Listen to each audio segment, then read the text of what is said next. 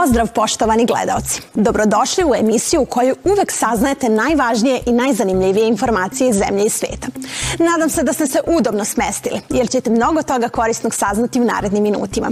Ja sam Zorana Nikoletić, a u Dečijem dnevniku vidjet ćete kako izgleda festival vazdušnih balona. Naš Vuk pripremio je nove priloge za čitanje.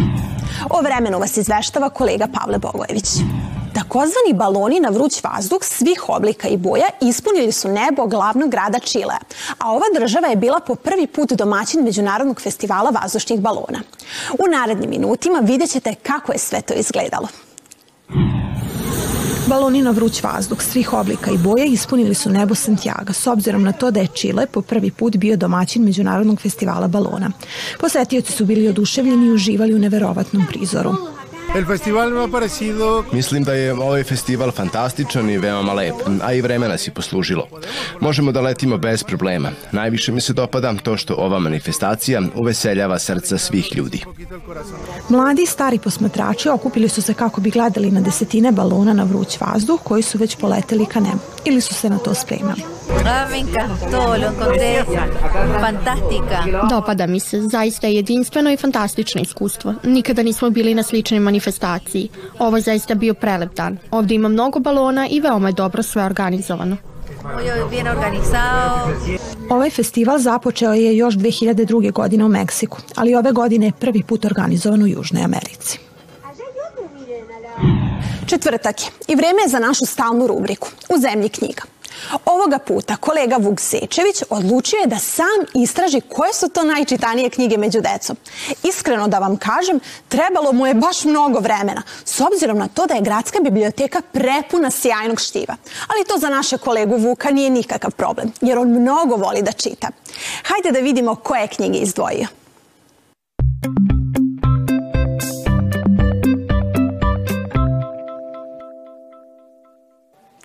Pozdrav, drugari! Dobrodošli u zemlju knjiga nakon kraće pauze.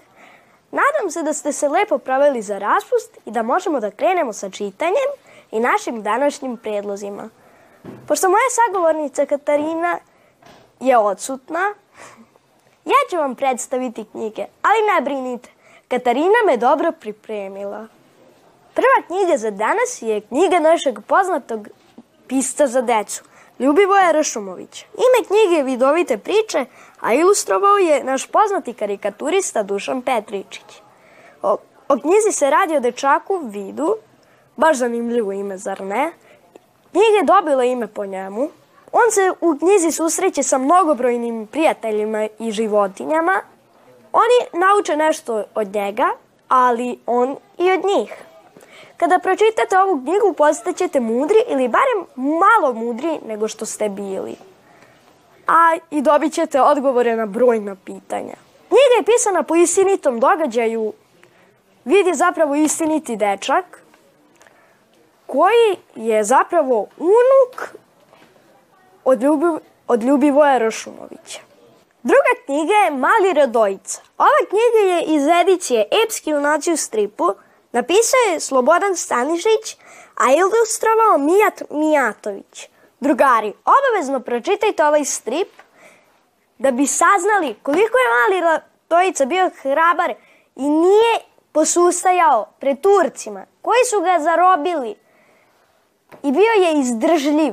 Žrtvovao je svoj život zarad prijateljstva. Još kao malom dečaku, roditelji su mi pričali o malom radojci. Pročitajte ovaj strip, nećete se pokajati, a i pripremite se u so i za lektiru u sledećem razredu. Drugari, u duhu današnjih predloga, budite mudri i radoznali kao dečak vid, a budite i hrabri kao mali radojica. Vidimo se sledeće nedelje sa novim predlozima. Ćao! A sada je vreme da saznamo kakvo vreme treba da očekujemo sutra. Naš Pavle Bogojević je ekspert za ovu oblast, zato mu sada prepuštam voditeljsku poziciju, kako bismo saznali kakvi će biti sutrašnji vremenski uslovi.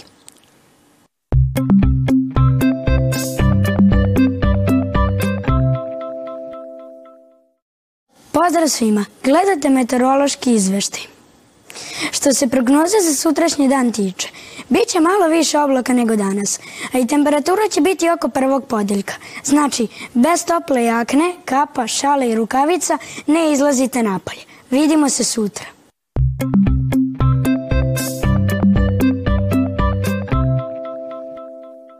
Hvala vam što je Dečiji dnevnik i ove večeri bio vaš izbor.